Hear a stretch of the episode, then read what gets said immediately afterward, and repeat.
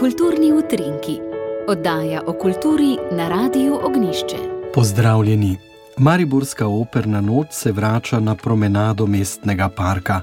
Tam bodo simfonični orkester, zbor opere in solisti Slovenskega narodnega gledališča Maribor nocoj izvedli raznolik glasbeni program z odlomki iz različnih opernih uspešnic. Rdeča nit bodo napolitanske pesmi. Umetniški in glasbeni direktor Mariborske opere, ki bo koncertu tudi dirigiral, Simon Krečič. Zelo smo veseli, da se spet vračamo v park na prvotno prizorišče. Kar se programa tiče, vedno skrijemo malo tudi napovedi za naslednjo sezono, kar se bo tudi letos sicer zgodilo, ampak v ne tako veliki meri kot prejšnja leta. Ampak je letos glavna linija programska napolitanske pesmi. To so tiste pesmi, ki jih nekako vsi poznamo, mogoče ne glede po naslovu, ampak ko bomo pa slišali melodije, bomo pa vsi prepoznali, zakaj gre. Tako da je letos program zastavljen mogoče še bolj za široke množice, še bolj za vsakogar, ki mogoče tudi ni največji ljubitelj ali pa poznavalec opere, ampak smo pripričani, da bojo čisto vsi uživali. Tako dirigent Simon Krečič, prireditev, ki je za obiskovalce brezplačna, je bila sicer zadnji dve leti na glavnem trgu v središču mesta, saj je bila promenada v mestnem parku v obnovi.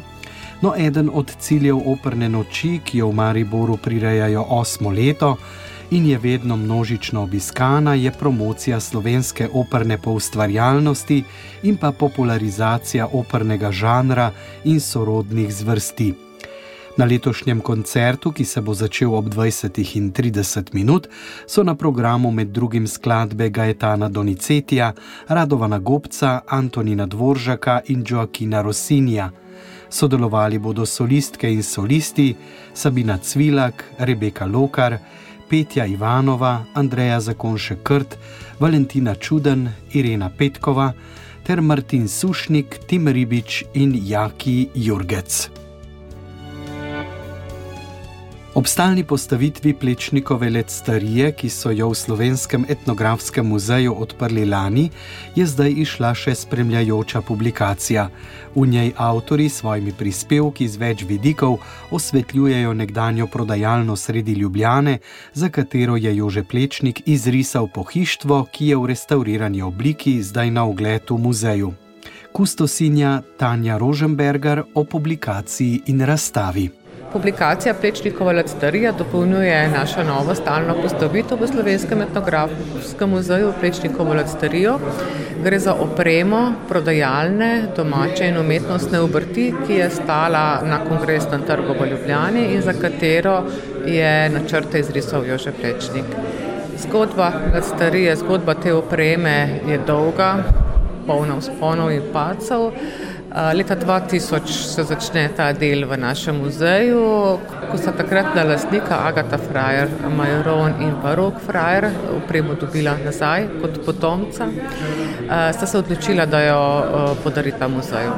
Tako da po detaljni restauratorski obnovi, po postavitvi kot funkciji muzejske trgovine v naši hiši je v lanskem letu zasijala kot nova muzejska postavitev v enem takem ambientalnem kontekstu. Kajti ne gre samo za pohištvo, tukaj so tudi drugi izbrani elementi, ki jih je Plečnik postavil v to prodajalno, za centralno mizo na sredini, s posebnim lestencem visečim, s spiralo kot ogrodje za razstavne izdelke v izložbi in še z mnogimi drugimi detajli. Kot je še povedala kustosinja Tanja Roženberger, razstava izpostavlja znanje rokodelcev, s katerimi je Plečnik sodeloval, načrte za prodajalno domače in umetne obrti na kongresnem trgu je izrisal leta 1938, odprli pa so jo leto kasneje. No, za konec pa še to, danes ob 14. uri bodo na ljubljanskih žalah pokopali pesnika, dramatika, esejista, kritika, prevajalca in urednika Vena Tauferja, ki je pred dnevi umrl v 91. letu starosti. Pesmi je začel objavljati v reviji Beseda z letnikom 1956. Prvo pesniško zbirko Svinčene zvezde je leta 1958 izdal v samozaložbi. Pomembna je bila tudi njegova prevajalska dejavnost, ki je delno vplivala tudi na njegovo lastno poezijo. Prevajal je angliško, srpsko, hrvaško in makedonsko poezijo. Bil je tudi urednik pri reviji 57 in v uredniškem odboru revije Perspektive, poleg tega je bil vodja odra 57. Taufer je bil tudi idejni oče mednarodnega literarnega festivala Vilenica ter predsednik slovenskega Pena. Prijel je Souretovo in Jenkovo nagrado, Preširnovo nagrado za pesniški opus, Zlati red za zasluge Republike Slovenije, Župančičevo nagrado za življensko delo in tudi več mednarodnih nagrad.